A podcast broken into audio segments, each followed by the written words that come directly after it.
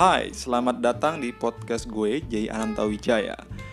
Ha, pada podcast kali ini gue pengen bahas tentang moral. Oke, gue pengen bahas tentang moral yang umum-umum aja, ya. Nah, sekarang coba lu bayangin deh. Ada seorang pria.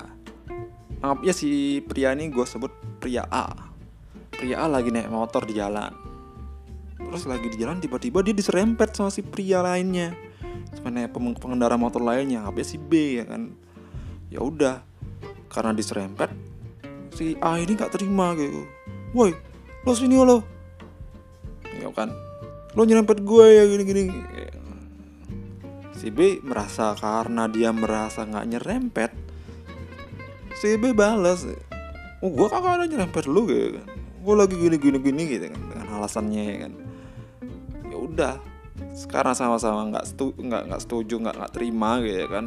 Mereka mereka berantem gitu ya kan. Mereka berantem uh, sampai akhirnya uh, uh, baku hantam dan sampai berdarah-darah ya kan. Mungkin kalau konyolnya mungkin sampai si A membunuh si B. Wah parah banget kan. Itu oh, sangat tidak masuk akal sangat konyol sangat bodoh ya kan.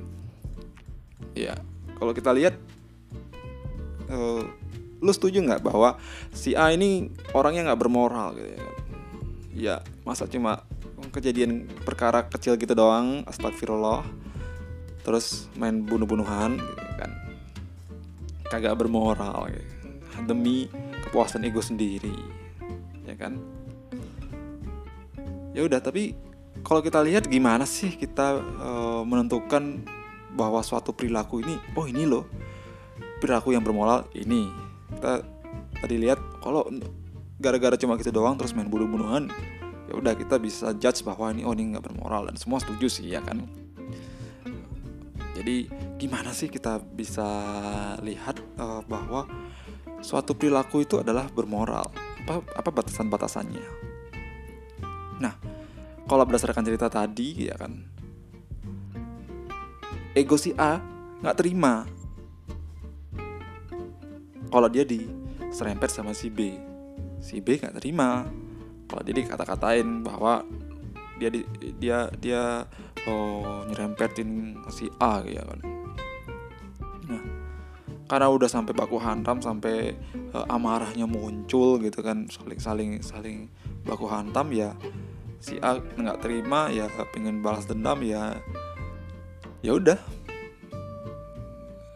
Dibunuh aja suka-suka gue dong ya kan. Biar gue dendam gue terpenuhi gitu ya kan. Si ego si A akan merasa puas ya kan. Mungkin si A berpikir bahwa itu ya normal aja gitu tapi e, menurut masyarakat tentu apa hal itu tidak bermoral. Batasannya sampai mana sih gitu ya? E, moral ini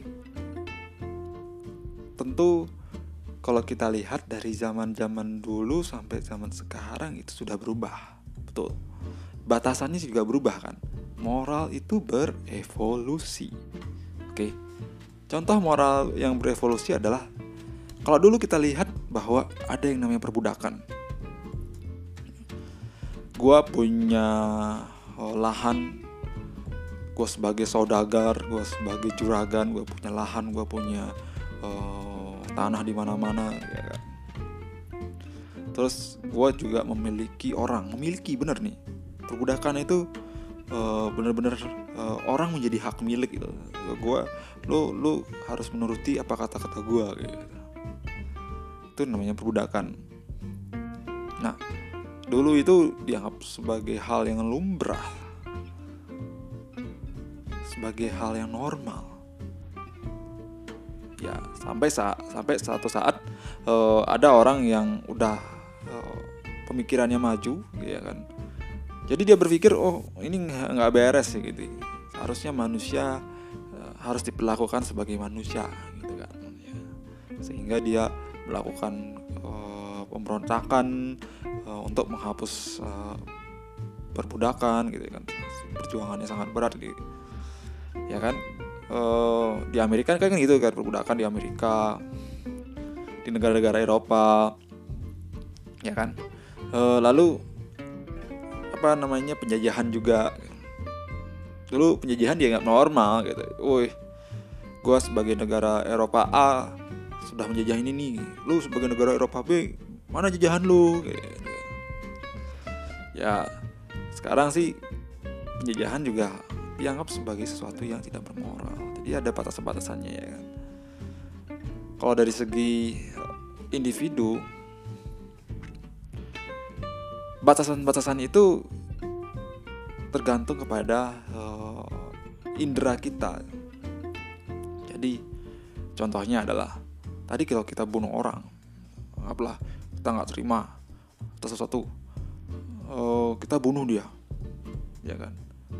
Kita harus membatasi tindakan kita yang di mana itu merugikan dia itu kalau uh, tindakan kita sangat merugikan dia itu uh, bisa disebut dengan tindakan yang tidak bermoral.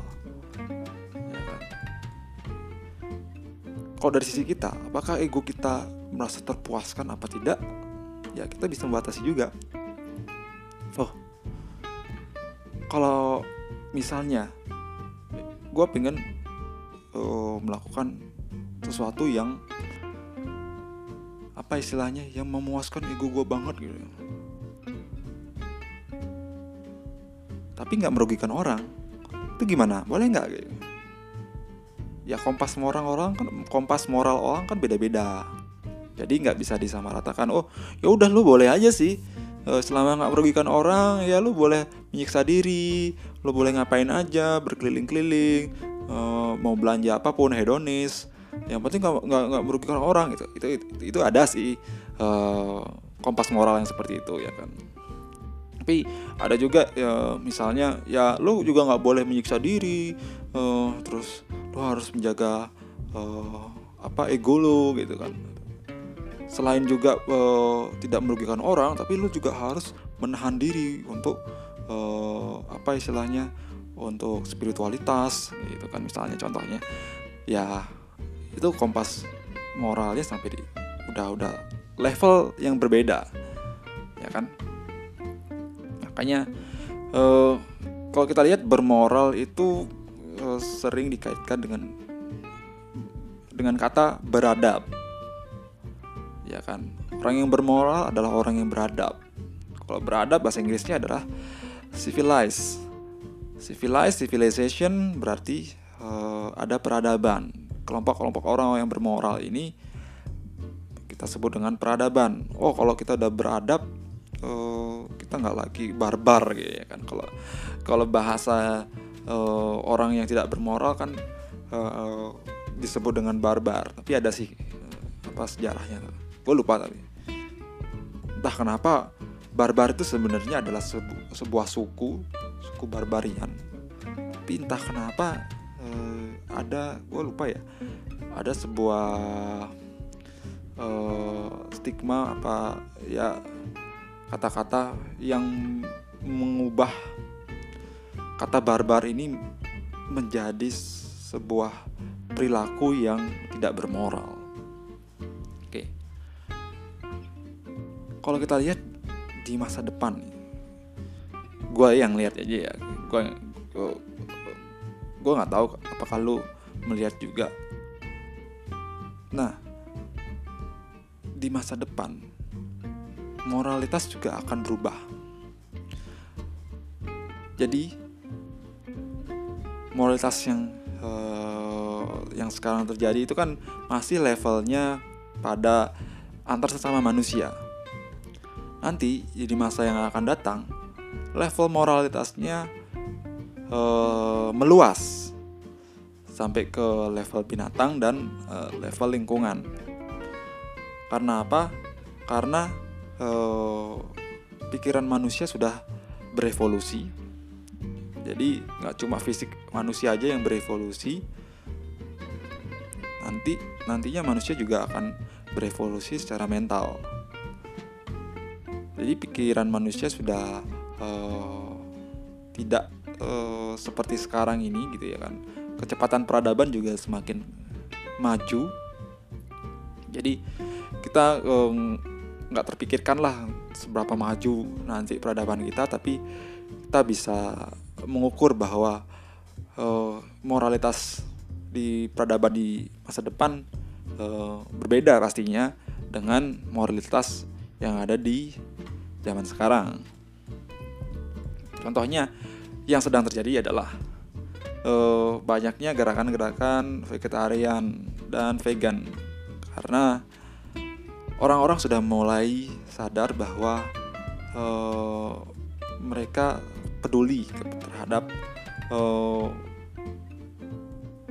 makhluk-makhluk lainnya, makhluk-makhluk binatang, bagaimana kita menjaga uh, lingkungan gitu ya kan. Jadi itu sedang terjadi loh. Nah dasarnya kan uh, altruism. Altruism itu peduli kepada uh, selain dirinya, peduli kepada orang lain, peduli kepada siapa pun gitu ya kan. Nah ngomong-ngomong tentang uh, hewan ya pikiran gak sih? Hewan itu punya moral gak sih? Apakah cuma kita doang sebagai manusia punya moral? Oh gue baca-baca sih ya sambil baca-baca juga kemarin karena gue mau bahas topik ini gue coba gue cuma ngeliat-ngeliat juga kan oh sampai kepikiran oh ternyata punya moral gak sih gitu kan. Gue cek di Wikipedia ya beberapa binatang punya uh, derajat moral seperti apa seperti lumba-lumba gitu. Kayak lumba-lumba contohnya di sini dibilang lumba-lumba uh, mencoba untuk menolong menolong orang gitu. Ketika dia berenang ternyata ada hiu di sebelahnya gitu. Dan ya udah nih lumba-lumba coba nolong biar orang ini nggak uh, dimakan oleh si hiu. Dan misalnya uh, apa si gajah si gajah menolong antelope dari dari dari singa gitu misalnya. Nah, apakah itu termasuk moralitas gitu kan? Mau menolong sesama gitu kan? Jadi e, ketika menolong sesama berarti ada e, apa istilahnya ada rasa kasihan gitu kan? Ya karena mereka sadar gitu. Orang-orang juga di di dalam kehidupan manusia juga mereka sadar gitu ya kan. Ketika dia mengalami hal itu, mereka pasti berpikir bahwa oh ketika gue dapat oh, kejadian buruk ini pasti rasanya sangat pahit. Makanya gue nggak mau dia seperti itu, makanya gue tolong dia, ya kan binatang juga sama jadi uh, si binatang ini mempunyai insting bahwa uh, wah kalau dia jatuh uh, ataupun dimakan oleh binatang lain dia pasti merasa kesakitan apa gimana gitu ya kan. Dan dia uh, ada insting untuk menolong. Oh gue nggak pengen dia seperti itu. Oke. Okay. Nah, selanjutnya sumber moral. Biasanya sih uh, moral itu ada sumbernya. Sumber yang pertama adalah moral authority. Moral authority adalah seorang atau kelompok yang dipercaya sebagai sumber moral. Ya kan, orang-orang yang dianggap suci itulah uh, sumber moral mereka. Tapi ada juga kelompok-kelompok yang misalnya um, melihat bahwa orang suci ini melakukan tindakan yang amoral, tetap juga merasa uh, bahwa itu sah-sah aja gitu, gitu dan itu tidak tidak dipertentangkan gitu. Itu menurut gue aneh gitu. Misalnya, misalnya uh, orang suci tidak boleh nggak boleh melacur gitu nggak boleh nyewa cewek. Iya kan? Pemuka agama nggak boleh nyewa cewek. Entah kenapa ada kelompok-kelompok yang melihat kalau dia udah ya cewek ya ya ya santai aja gitu dia. Dia tutup mulut aja tutup mata tutup mulut. Nah ketika otoritas sudah dipercaya critical thinking itu bisa hilang. Ya. ada yang disebut dengan uh, appeal to authority fallacy makanya orang-orang yang kayak gitu juga sih biasanya orang yang jadi polisi moral gitu kan ketika ada orang lain uh, yang mempunyai kompas moral yang berbeda uh, apa mereka memaksakan moralnya dia ke uh, orang tersebut gitu ya. tapi pesan gue sih jangan memaksakan orang eh, jangan memaksakan moral ke orang lain gitu ya. karena orang-orang mempunyai latar belakang yang berbeda jadi uh, salah satu penyebab apa perselisihan di muka bumi ini adalah banyaknya orang-orang yang memaksakan moral-moral mereka ke orang lain. Padahal sebenarnya itu nggak merugikan mereka gitu tapi tetap aja eh, kalau lu ngikutin gua gitu woi ego egonya merasa puas. Oke. Jadi jadi kesimpulannya adalah satu yang tadi uh, yang terakhir jangan paksakan moral orang moral lu sendiri ke orang lain satu. Yang kedua pahamilah bahwa moral sedang berevolusi. Akan ada uh, perubahan-perubahan moral yang terjadi di masyarakat ini. Oke okay. uh, segitu aja untuk dulu untuk kali ini terima kasih telah mendengarkan apabila ada kesan-pesan atau masukan-masukan silakan uh, follow IG gua di Ananta Vijaya Oke.